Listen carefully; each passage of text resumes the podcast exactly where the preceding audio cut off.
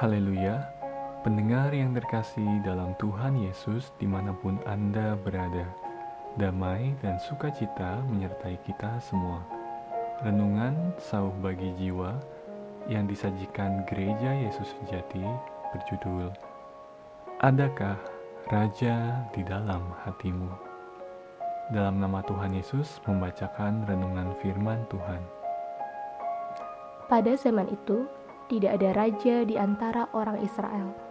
Setiap orang berbuat apa yang benar menurut pandangannya sendiri. Hakim-hakim pasal 21 ayat 25. Waktu Musa dan Yosua masih hidup, sekalipun rohani umat Israel masih rendah, mereka sering bersungut-sungut dan melawan Allah. Tetapi paling tidak, mereka masih beribadah kepada Allah walaupun hanya secara lahir ya, karena mereka melihat dengan mata kepala sendiri. Banyak mujizat yang terjadi melalui tangan Musa dan Yosua. Maka mereka sedikit banyak masih takut akan Allah, tidak berani melawan secara frontal. Namun, setelah mereka berdua tidak ada lagi, umat Israel segera melanggar perjanjian yang diikat dengan Allah mereka mulai menyembah Allah-Allah asing. Hubungan mereka dengan Allah jatuh ke titik beku. Rohani mereka melorot ke titik terendah, sampai tidak lagi dapat tertolong. Lalu mereka masuk ke zaman hakim-hakim.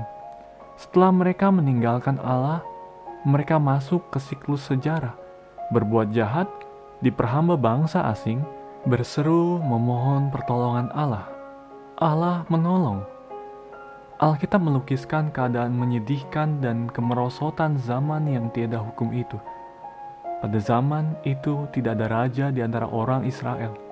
Setiap orang berbuat apa yang benar menurut pandangannya sendiri. Tidak ada raja di antara orang Israel. Tidak ada raja di hati mereka. Artinya tidak ada Allah di hati mereka. Allah bukanlah raja di hati orang zaman itu Raja mereka adalah berhala buatan bangsa lain. Hati mereka keras, memberontak, tamak, jahat, ingkar janji, penuh perzinahan, sekalipun Allah berkali-kali melepaskan mereka dari cengkraman bangsa asing. Mereka segera melupakan kebaikan Allah dan meninggalkan Allah. Tuhan Yesus berkata dalam Matius 15 ayat 7 hingga 9. Hai orang-orang munafik, benarlah nubuat Yesaya tentang kamu. Bangsa ini memuliakan aku dengan bibirnya, padahal hatinya jauh daripadaku. Percuma mereka beribadah kepadaku, sedangkan ajaran yang mereka ajarkan ialah perintah manusia. Mari kita renungkan iman rohani kita. Apakah seperti yang dikatakan Tuhan itu? Hanya memuliakan Allah dengan bibir saja, padahal hati jauh daripadanya? Apakah kita sudah dibaptis dan menyandang status umat Kristen, tetapi tidak datang berkebaktian di gereja? Apakah sekalipun datang ke gereja, kita tidak rindu firman Tuhan dan tidak mau melayani Tuhan? Apakah sekalipun kita berkebaktian mendengarkan firman, memuji dan berdoa, tetapi hati kita ada di dunia dan hidup secara duniawi? Perkataan dan perbuatan tidak berbeda dengan orang yang tidak percaya? Apakah kita lemah dalam mendengarkan dan melakukan firman?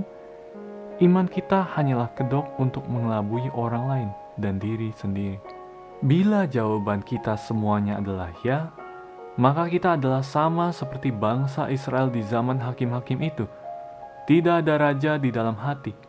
Setiap orang berbuat apa yang benar menurut pandangannya sendiri. Roh kita tertidur bahkan mati seperti yang dikiaskan oleh Nabi Yesaya dalam Yesaya 29 ayat 8. Seumpama seorang yang lapar bermimpi ia sedang makan, pada waktu terjaga perutnya masih kosong. Atau seumpama seorang yang haus bermimpi ia sedang minum, pada waktu terjaga sesungguhnya ia masih lelah, kerongkongannya masih dahaga. Hai saudara-saudari yang kekasih, Betapa bahagianya kita dapat mengenal dan percaya kepada Allah. Tetapi jangan hanya secara lahiriah saja menjalankan ibadah. sedangkan pada hakikatnya memungkiri kekuatannya. Bila di dalam hatimu tidak ada Allah dan hidup seperti orang yang tidak percaya, itu sangat menyedihkan dan berbahaya. Segeralah berbalik kepada Allah. Tuhan Yesus menyertai kita semua. Amin.